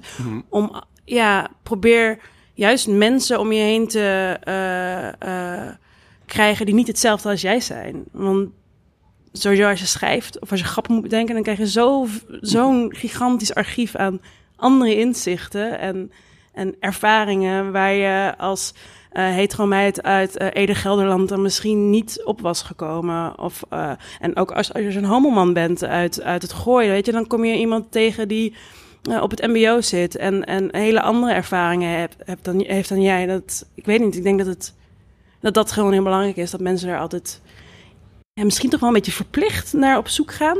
Maar Carmen, denk, denk, is het dan niet ook zo dat je ehm, bij de, bij, juist ook bij de gladiaal, of juist ook op binnen een geek culture of binnen een internetcultuur, erachter komt dat je er dus misschien heel anders uitziet of dat je andere verlangens hebt eh, eh, dan die hetero vrouw uit Ede, weet ik veel waar Dat ben ik, dat ben ik eh, trouwens. dat, dat dan.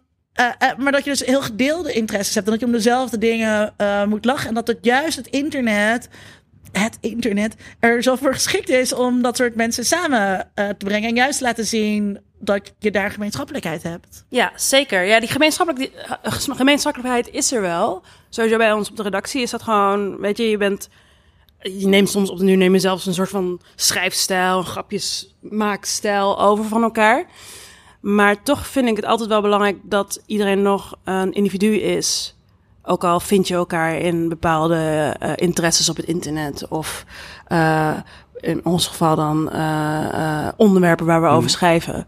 Dus, En hebben jullie ook de want een van de dingen die wij ook in Geeky Dingen een aantal keren al besproken hebben, is dat je nu ziet dat er bepaalde groepen, ik zal ze maar niet te expliciet benoemen, want dat wordt mij soms kwalijk genomen, maar bepaalde groepen mensen op, eh, op internet zijn die ehm, heel veel moeite hebben met toenemende diversiteit en zichtbaarheid. En die daar dan hele onaardige dingen over gaan tweeten of eh, Mhm. gaan posten.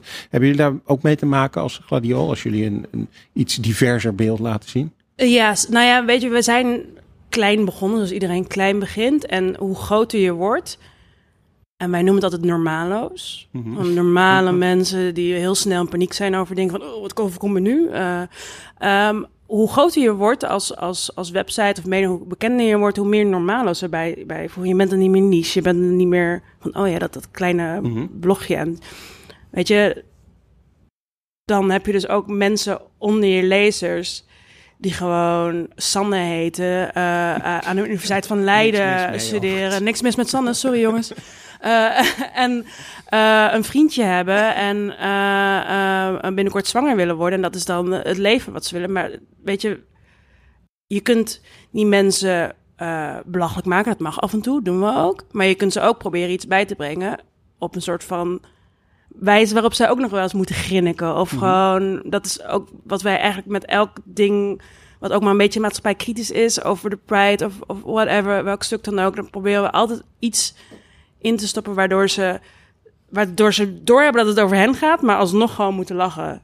En hier, ik, ik merk dan bij bepaald eh, activisme op het internet ook wel, dat het soms, het gaat er zo hard aan toe. En dat vind ik eigenlijk wel fijn, want dan gaan dingen sneller. Daar hou ik van. Dan bereiken we dingen sneller. Maar aan de andere kant is het ook zo dat je daarmee sommige mensen niet gaat bereiken. Nee. En dat ik denk van, oké, voeg er een leuke grap aan toe. Niet alles hoeft... Ik bedoel, ik lach al heel lang niet meer om, over Donald Trump bijvoorbeeld. Maar sommige dingen kun je nog wel met een grapje brengen... waardoor mensen het misschien makkelijker eten, oppikken. Ja, maar s- soms hebben mensen dan toch dat ze boos worden. Ik zag al dat eh, de post online jou ooit een keertje een moraalterrorist hebt genoemd. Met een foto van mij met een nazi-snorretje Oh, er, oh, erbij. Ja, dat, is, fijn. eh, dat is de post online, ja. ja, klopt. Ik heb niks met die website te maken, mensen. Nee, nee, nee, totaal niet opgericht. Maar is dat dan, eh, dan zou je zo eigenlijk zeggen, hè, wat je zegt van als je het met een, met een grap brengt of je brengt het op een manier waardoor eh, ja, de normalo's, vind ik een mooi woord trouwens, eh, het op de een of andere manier ook eh, een soort ingang hebben, dan kan dat dus heel veel eh, betekenen. Ja, het komt niet bij iedereen aan. Zoals bijvoorbeeld bij de post online, dat zijn gewoon hele zure, zure mensen. En ehm, ze hebben ook een keer een heel boos artikel over mij en Mart geschreven, omdat wij in een, st- weet je, Anna Bananninga, als je luistert, fuck you. Als ik iemand, als ik iemand niet mag en, en slechte dingen toewens, en het is gewoon een regelrechte zure racist. En ik vind dat je daar dingen over mag zeggen. Links is al, ik bedoel, we zijn gewoon links, dat is duidelijk. Meer mensen in deze zaal waarschijnlijk, maar links is al heel veel jaren een soort van zwak schaapje geweest. Thee drinken, polderen, praten over Dat ons is wel exact wat. Anna Danninga zegt. hè? Ja, ja, zeker. En dan denk ik van, oké, fuck dat. Wij kunnen jou ook pakken. Dus toen hebben wij een keer een stuk geschreven... waarin we allemaal Nanninga toewensen... dat ze bij haar volgende ze ging opwarmen in de magnetron... haar vingers zou verbranden... zodat ze nooit meer kutstukjes kon typen. Nou ja, en toen werden we eh, boos aangepakt... door de post online. Nou ja, ik vind dat gewoon leuk. Ik vind het leuk om een keer een boos tegengeluid te horen... dat het niet rechts is en niet over, over immigranten gaat of, of over snowflakes en oh, wat zijn we allemaal politiek correct. Hou op, wat is er mis met correct zijn? En, en vind je dat eh, populaire cultuur... Ja, woe! vind je dat Klap dan, populaire- zaal, klap. Klap voor mij!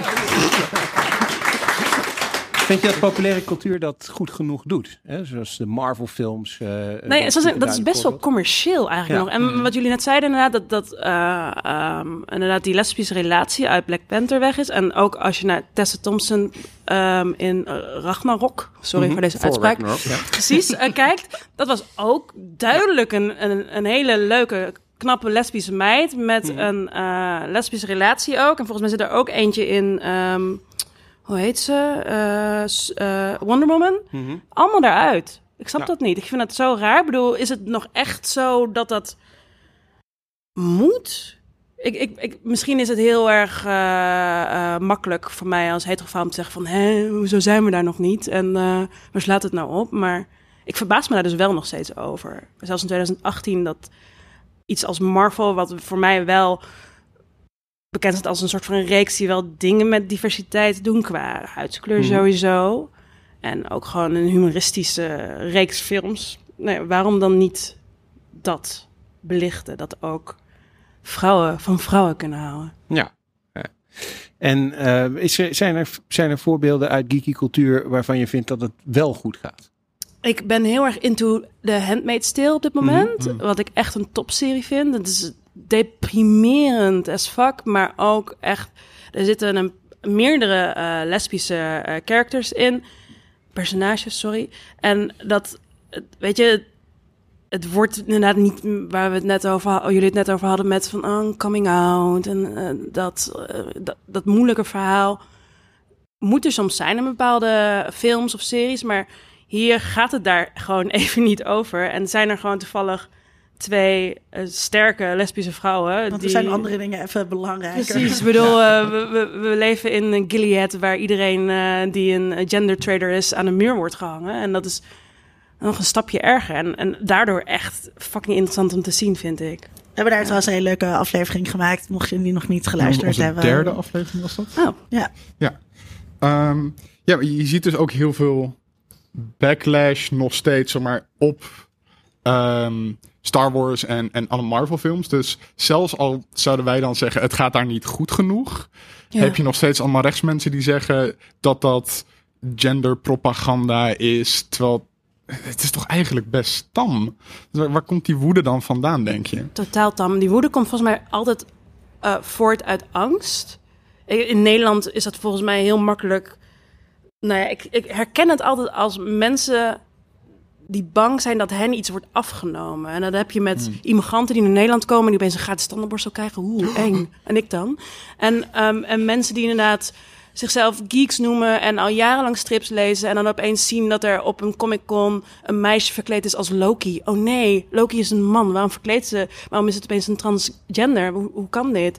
En dan- ik zag daar laatst inderdaad een, een, een korte documentaire over... en ik kan me die woede gewoon bijna niet ja, verklaren. Maar er zijn gewoon mensen die zich oprecht persoonlijk aangevallen voelen door diversiteit. Ja, Ja, er zijn, echt mensen die zeggen ook met Star Wars van Ryan Johnson... jij hebt van mij Luke Skywalker afgepakt. ja.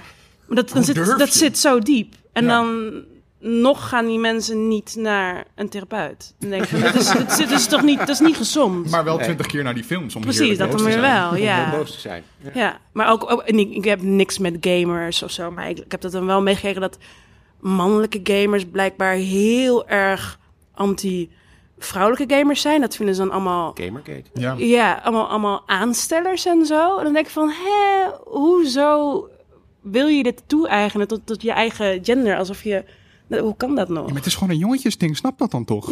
Ja, nou ja, blijkbaar. Ja, nee, ik, ik zou een verklaring voor je willen hebben, maar dat heb ik niet. Ik, ik weet het niet. En hoe kunnen we dat. ehm,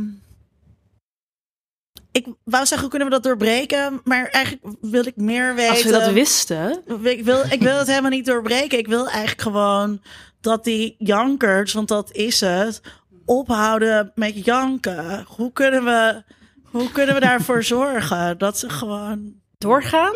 gewoon doorgaan met z'n pesten? Ja, gewoon net zo lang doorgaan tot het huilen niet meer stopt en ze daarom binnen, binnen zijn huis moeten blijven. Ja. ik weet het niet. Ja, wat moet je anders doen? ik bedoel, ja, als je inderdaad echt slachtoffer bent van zulke mensen, dan is het wel zwaar. Lijkt me, als je inderdaad echt daadwerkelijk één op één staat met iemand die jou in je gezicht aan het schelden is, omdat je iets zogenaamd van hem afpakt. Lijkt me heel zwaar, maar makkelijk gezegd vanaf deze podcast denk ik van ja, blijf door met waar je mee bezig bent. Maar dit, het is heel zwaar, hè? want er zijn eh, verschillende acteurs, actrices die dit soort rollen Ja, die spelen. van Twitter afgaan of. Instagram, omdat, ze, omdat ze opeens een, eh, een of ander alien character uit een Marvel strip zwarte, door een zwarte vrouw laten spelen. En dat mensen daar dan boos door zijn. Wat, ja, wat was, was blauw was? zeg maar, iemand... Ja, dus het personage in de strip is blauw. En dat kon niet gespeeld worden Ja, door dat, iemand ja. die zwart is. Ja. En, en, en het vorige personage was... Nou, ja, ja, ja, maar het ook hetzelfde En toen zei iemand op Twitter, ik hou van Twitter, iemand zei heel erg eh, vernuftig, ja, maar Mystique dan uit X-Men. Ja, precies. Waar was alle ophef toen Mystique Precies. Waarom is Mystique niet gespeeld door een blauwe vrouw? En ook alle mensen, alle mensen die klaagden eh, over eh, Admiral Gender Studies, Mhm. eh, Admiral Holdo in, in Star Wars. De andere admiraal is een vis. Ja. Rest in peace. Sorry, Ja, maar daar waren mensen dan ook weer boos omdat hij dan doodging. Want ze hadden dan toch ook die rol van Admiral Holdo aan hem kunnen Sowieso moest er meer screentime zijn voor Admiral Akbar. Akbar. Vond ik ook zielig dat hij dood ging. Meer vissen in belangrijke rollen graag. Sowieso wil ik eventjes zeggen dat in Star Wars, ik bedoel, soms zijn er echt saaie stukken, maar ik denk altijd de creatures zijn het fucking coolste aan Star Dat is Wars. Dit is wel de laatste keer dat je in deze podcast zit. Sorry, sorry, er zitten soms gewoon stukken dat ik denk van, oké, let's get it on. Even, wat ik nog wel interessant vond, jij zei van hè, je moet gewoon doorgaan. Nou, nogmaals, voor sommige mensen is dat best moeilijk. Zeker. Ehm, maar van de andere kant zien we, een, eh, ja, hoe, of het genoeg is, is een goede vraag. Maar we zien wel een ontwikkeling dat er eh, ook bijvoorbeeld in, in kinderseries, hè, neem zoiets als Adventure Time of eh, Steven Universe nog explicieter, eh, gewoon aandacht is voor diversiteit en ook voor queer eh, diversiteit. Ehm, is dat de, de weg die we op moeten? Dat we, Maar die weg zijn we al lang opgegaan. Weet je, dat is oh, wat, wat zo irritant is aan deze tijd. Is dat we vergeten dat het dus eerst gewoon beter was. Dat we hier al een hele lange eh, geschiedenis hebben. Hetzelfde gaat als je kijkt naar zwarte vrouwen op de cover van modebla op de covers van modebladen. In de jaren tachtig was dat een ding. Daar werden toen de firsts gehaald, zeg maar, waar Jaap het over had als het in de jaren 60 al. Nou, daar ga je. Dat we nu, zeg maar, ieder- iedereen vandaag op Twitter was zo blij dat er voor het eerst een zwarte fotograaf de cover van de Ja. Amerikaanse Vogue ging schieten. Eh, we, we- we doen nu allerlei dingen die vieren we als successen terwijl ze al geweest zijn. Hallo Pippi Langkous, weet je, ik ben wel opgegroeid met eh, die, die. Die, die waren alles. We moeten ook niet doen alsof er nu steeds alsof het nu pas gebeurt of zo. We moeten ons afvragen. Dat is een veel interessantere vraag. Heb ik al eerder Waarom gezegd in deze opvalt. podcast. Waarom er steeds weer regressie is. Ja. Waarom we steeds weer teruggaan. Waarom we nu weer moeten vaststellen dat er de afgelopen jaren zoveel minder karakters zijn Ja. geweest. Waarom we het nu in één keer als een doorbraak vieren dat we een fucking Wonder Woman film hebben. Ja, ja, nou ja, Jaap Ja, mee eh, Ko- eens. Kooijman zei dat eerder ook al, hè, dat er geen, geen rechte stijgende lijn is, maar dat er gewoon ook momenten zijn waarop het slechter gaat. En we vergeten eh, heel erg veel. Ja. En soms is er gewoon een soort van witte hetero-droogte. En dan heb je inderdaad tien jaar niks spannends. Inderdaad, ja, dat gebeurt. En dan moeten we even met z'n allen weer er tegenaan. Maar ja, dat, en ik, ik denk dat mensen... Er is een soort van periode gaande waardoor mensen op dit moment nu een beetje... Ja, misschien negatief erin staan. Ik bedoel, ik wil niet weer over Trump beginnen. Maar ik bedoel, er is wel iets gaande. Gaande, Ik zie een vraag. Dus de, de vraag uit het publiek is van, eh, is die ophef wel, wel echt? Of zijn het vooral mensen die gewoon willen zeuren om het zeuren? Dus is een Comic Gate er nou omdat er echt iets aan de hand is? Of is het omdat er gewoon witte mensen zijn die ja, willen zeuren over diversiteit? Kijk, ik denk dat het uiteindelijk altijd over ehm, eh, macht gaat. En die, die, die witte mannen, witte hetero mannen die nu aan het janken zijn omdat ze iets kwijtraken, eh die hebben wel een punt. Ze raken ook iets kwijt. Eh, eh, en eh, dus, dus, dus die, verschuivingen doen er wel degelijk toe. Dus het maakt echt wel uit dat grote filmstudio's zeggen: hey, een groot deel van de bevolking is zwart. Die gaat ook graag, nou, dat gaat ook graag naar de film, dat deel van de bevolking. Dus misschien kunnen we ook films daarvoor maken. Ja, dat betekent wel dat, dat jouw norm en jouw privilege in die zin ook, wel, ook wel degelijk wordt afgepakt.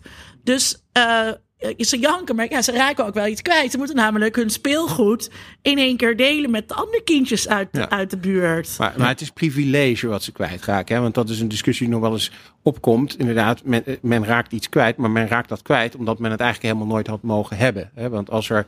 Het was altijd al Ja, oneerlijk precies. dat er één kindje ja. in de buurt dat Ja. fucking awesome water, water, waterpistool had. Of die ene toffe skelter of alle twee. en dat niet wilde delen. Nou ja, kwam om er het- iemand anders in de buurt wonen en die zei... Ja, weet je, het is toch eens tijd dat je dat een beetje gaat delen. Dat je dat leert. Nou ja, Ehm, om het te betrekken op bijvoorbeeld die schrijvers in die, in die kamers van, van grote televisieseries. Hè, die, worden, die, die schrijversteams worden diverser. Nou, dan worden dan mensen boos dat dus een aantal hetero, wit, witte cisgender heteromannen eh dan opeens die plek niet meer kunnen bezetten. Maar ja, die hadden ze sowieso niet moeten bezetten, omdat er sowieso omdat ze al... middelmatig waren. Ja, omdat ze niet, goed, niet net zo goed waren als bijvoorbeeld die, die trans schrijf, schrijver of schrijfster. Of die LGBT schrijver of schrijfster. Of die persoon van kleur. Hè, die, die had er al horen te zitten. Ja. Ja, en tegelijkertijd moeten we wel ook voorzichtig zijn met niet ze zomaar wegzetten als jankerts van alle gates. Ehm, want het is wel degelijk gewoon een georganiseerde soort van aanval. Er zitten heel vaak dezelfde mensen achter. Eh, en die mensen komen ook de hele tijd weer terug op andere dingen. Zoals laatst is James Gunn, de regisseur van Guardians Oh, of ja. the Galaxy, ontslagen. Omdat wat oude grappen van hem uit 2009 of zo opgedoken worden. Door een rechtsextremist. Ja, door zo Juist. iemand van een van die Juist. mensen achter Ja. Gamergate. Dus die zijn gewoon heel erg gericht bezig met pro- progressieve mensen in Hollywood aanvallen om hun leven zuur te maken, om het werk moeilijk te maken. En dat is een soort uitputtingsslag waar ze mee bezig Merk zijn. je daar iets van, Carmen? Ehm, Nou, het, het is nog nooit iets op mij afgevuurd, gelukkig, door een groep mensen. Maar, god, hopelijk roep ik dit niet op me af nu. Maar, Onze eh, luisteraars zijn heel machtig. nou ja, ik heb wel eens... to- Toen werkte ik nog voor Upcoming en eh, toen was ik ook al een beetje baldadig. En toen had ik een keer iets, eh, nou ja, iets negatiefs uiteraard geschreven over Geert Wilders. En nou ja, weet je, zij roepen elkaar dan wel op om mij boze berichten te gaan sturen en uit te gaan schelden. En toen had ik wel echt iets van een week lang gewoon doodsbedreigingen in mijn Ja. Facebook-inbox. En dan zij doen dat allemaal met hashtag PVV. En dan gaan ze mensen gewoon naar mijn berichten toe lokken. En dan, het, is, het heeft wel iets georganiseerd. Maar ik snap wel wat de vraag uit het publiek, wat jij bedoelde. Want soms lijkt het alsof het een groepje van tien mannen is of zo die het doet. Maar weet je, er zijn altijd wel weer tien extra mannen en honderd extra mannen die het ermee eens zijn. En nog meer, nog meer. Dus ik vind het eigenlijk altijd wel dat ik denk van, nou ja, laten we dit in de kiem smoren. Laten we dat doen. Ja. Laten we ja, dat doen. Een goed moment om op te eindigen. Waar, waar kijk jij eh, naar uit? Ehm, ja, lastig. Eh, ik, ik, er is, nou ja, ik- mijn meest geeky ding waar ik nu naar uitkijk. Ik ben dus heel erg Stephen King fan. Dat is een hele, hele goede schrijver, vind ik persoonlijk. Ik lees hem al mijn hele leven. En er is nu een serie, volgens mij op Amazon, waarin allerlei verschillende personages en verhaallijnen uit al zijn boeken eigenlijk samenkomen, wat best wel raar is. En het heet Castle Rock en Ja. ik wil dat heel graag zien. Ja, Castle Rock eh, kan je zeggen dat is ook erg goed. Ik heb, ik heb er al Oh. iets van kunnen zien. Eh, was ook behoorlijk vertegenwoordigd op Comic Con. En ehm, ja, zeer, zeer de moeite waard. Aanradertje, Dat was oké. ook mijn punt waar ik naar uitkeek. Dus ik heb het Ah, van me kijk. afgepakt. Zullen we eerst eh. Carmen Felix bedanken voor je deelname aan Geen deze? Ik klap voor mezelf. Mag ook soms. En dan doen wij nog een eh, klein rondje. We monteren hier eerst nog onze Zal ik weg? bumper. Nee, je mag wel even blijven zitten. Ja. Bumper momentje. In a world. In a world. World. World. World. In a world. En dan... ehm, waar, kijken, waar kijken wij eigenlijk naar uit? Begin jij maar, Linda. Ja, ik ben dus, ik ben, ik voel me een hele slechte geek deze dagen, want ik heb echt heel weinig eh, op de bank met de gordijnen dicht gezeten. Want eerst was het de ACE-conferentie waar allerlei dingen in te doen waren, Eh, en deze week is het Pride, dus ik kijk eigenlijk gewoon eh, heel erg uit naar al het uitgaan eh, dat ik dat ik nog eh, ga doen en al het dansen dat daar nog is op een al dan niet geeky manier en uiteraard ook ehm, eh, de bootparade zaterdag. En dan denk ik dat ik daar van deze twee weken zo uitgeput en brak ga zijn. Dat ik dan wel weer ga kijken wat er allemaal te doen is. op mijn fantastische televisie en mijn fantastische computer. Tom. Ja, ik eh, ga twee weken op vakantie, dus ik heb weinig zeg maar, popcultureels dat ik ga doen dan. Neem je dingen mee? boeken? boeken. Ja, ik neem. Dan ook op je, je kan ook gewoon op je, op je laptop series meenemen. ja, nee, dat ga ik niet doen. Waarom niet? I don't know, dat vind ik iets van de charme van vakantie afhalen of Het zo. is echt geek shamen wat je nu aan het doen bent. Oh. Zeg, kijk, nee, zeg eigenlijk een beetje tegen mezelf. Oh. Sorry, luisteraars. Ja, ehm, ik heb wel een paar boeken eh, mee. The Power. Ehm, Die jij ook een keertje hebt aangeraden, Linda, volgens mij. Eh, Naomi Alderman. Ja, ja, dus over... Topboek. Ja, Heel dat, goed. dat, dat allemaal vrouwen ineens eh, een soort superkracht krijgen, was het. Eh, en dat dan ineens machtsrelaties om beginnen te draaien, omdat vrouwen sterker zijn dan mannen. Eh, dus daar ben ik heel benieuwd naar. Dat lijkt me heel erg leuk. Ik had ook allemaal hele gloeiende aanbevelingen van Margaret Atwood, onder andere. Eh, dus dat vind ik heel vet. Eh, en ik heb nog één ding dat ik niet ga kijken. Maar dat vind ik wel jammer dat ik dat niet kan doen. Dat is Sharp Objects. Een nieuwe HBO-serie met Amy Adams. En die is echt zo belachelijk goed. Het is echt... Ik kan er niet, niet goed genoeg over spreken. Het is een soort thriller ergens in eh, Southern United States. Of Amerika gewoon. Ehm, het heeft een beetje True Detective vibes. Het is allemaal heel artsy en traag. En, en je voelt bijna het, het zweet over je rug lopen van de drukkende atmosfeer daar. Eh, en Amy Adams is heel erg goed. Eh, dus die raad ik aan iedereen aan. Sydney. Hmm. Nou, ik kijk uit naar een aantal dingen. Eh, op Netflix binnenkort een nieuwe serie van eh, Matt Groening. Dat is de maker van The Simpsons onder andere en Futurama. En die heeft een nieuwe eh, eh, animatieserie gemaakt. Die heet Disenchanted. En dat gaat over een prinses die vooral heel veel zuipt en alles doet wat niet goed is. hey, een serie over mijn ja, leven. Precies. Een serie over Linda Duits. Dus die, die ga ik met plezier kijken. De cast was uiteraard op Comic Con, dus dat was al een hele leuke introductie. En ehm, het nieuwe seizoen van Star Trek Discovery. Dat duurt nog wel eventjes, maar de trailers beginnen nu eh, uit te komen. Ehm, het is al een hele diverse serie met een diverse cast. Niet alleen qua eh, gender en seksualiteit, maar ook qua kleur. En dat wordt alleen maar diverser in het eh, volgende seizoen. Er komt een lesbische dokter onder andere bij. We gaan de Enterprise zien. Captain Pike, Mr. Spock komt terug. Dus nou ja, voor echte Star Trek fans is dat wel iets om naar uit te kijken. Waar ik trouwens ook naar uitkijk, is de prijsuitreiking die wij hier straks live gaan Ja. doen voor eh, eh, mensen in het publiek. We zeiden het al aan het begin van de uitzending. We hebben dus een aantal mooie eh, prijzen daar. Eerst wil ik nog een keertje onze gasten bedanken. Jaap Kooijman, Werner Borges, Kees, Ook wil ik heel hartelijk ons publiek dat u net hoorde eh, bedanken. Super tof dat jullie hier aanwezig waren. Ik vond het heel gaaf om het met het live publiek te doen. Ja. Jullie ook? Zeker, Gaan we dat nog een keer doen? Wat mij Volgens wel, ja. Ja, dan, eh, en wat ik net aan het begin zei, dat eh, gaat dan ook gebeuren. Dus we gaan het groeien. Eh, en en jullie waren erbij. Wij gaan hier nog even doorborrelen. tot- Napraten. napraten, doorborrelen. Alle handtekeningen die jullie willen vragen aan Jaap en Karma. dat kan dus allemaal. Of aan andere medeluisteraars en medegeeks. De bar is geopend. En dan wil ik nog iets zeggen wat ik was eh, vergeten. I don't know. Dit was Kiki Dingen. Bedankt.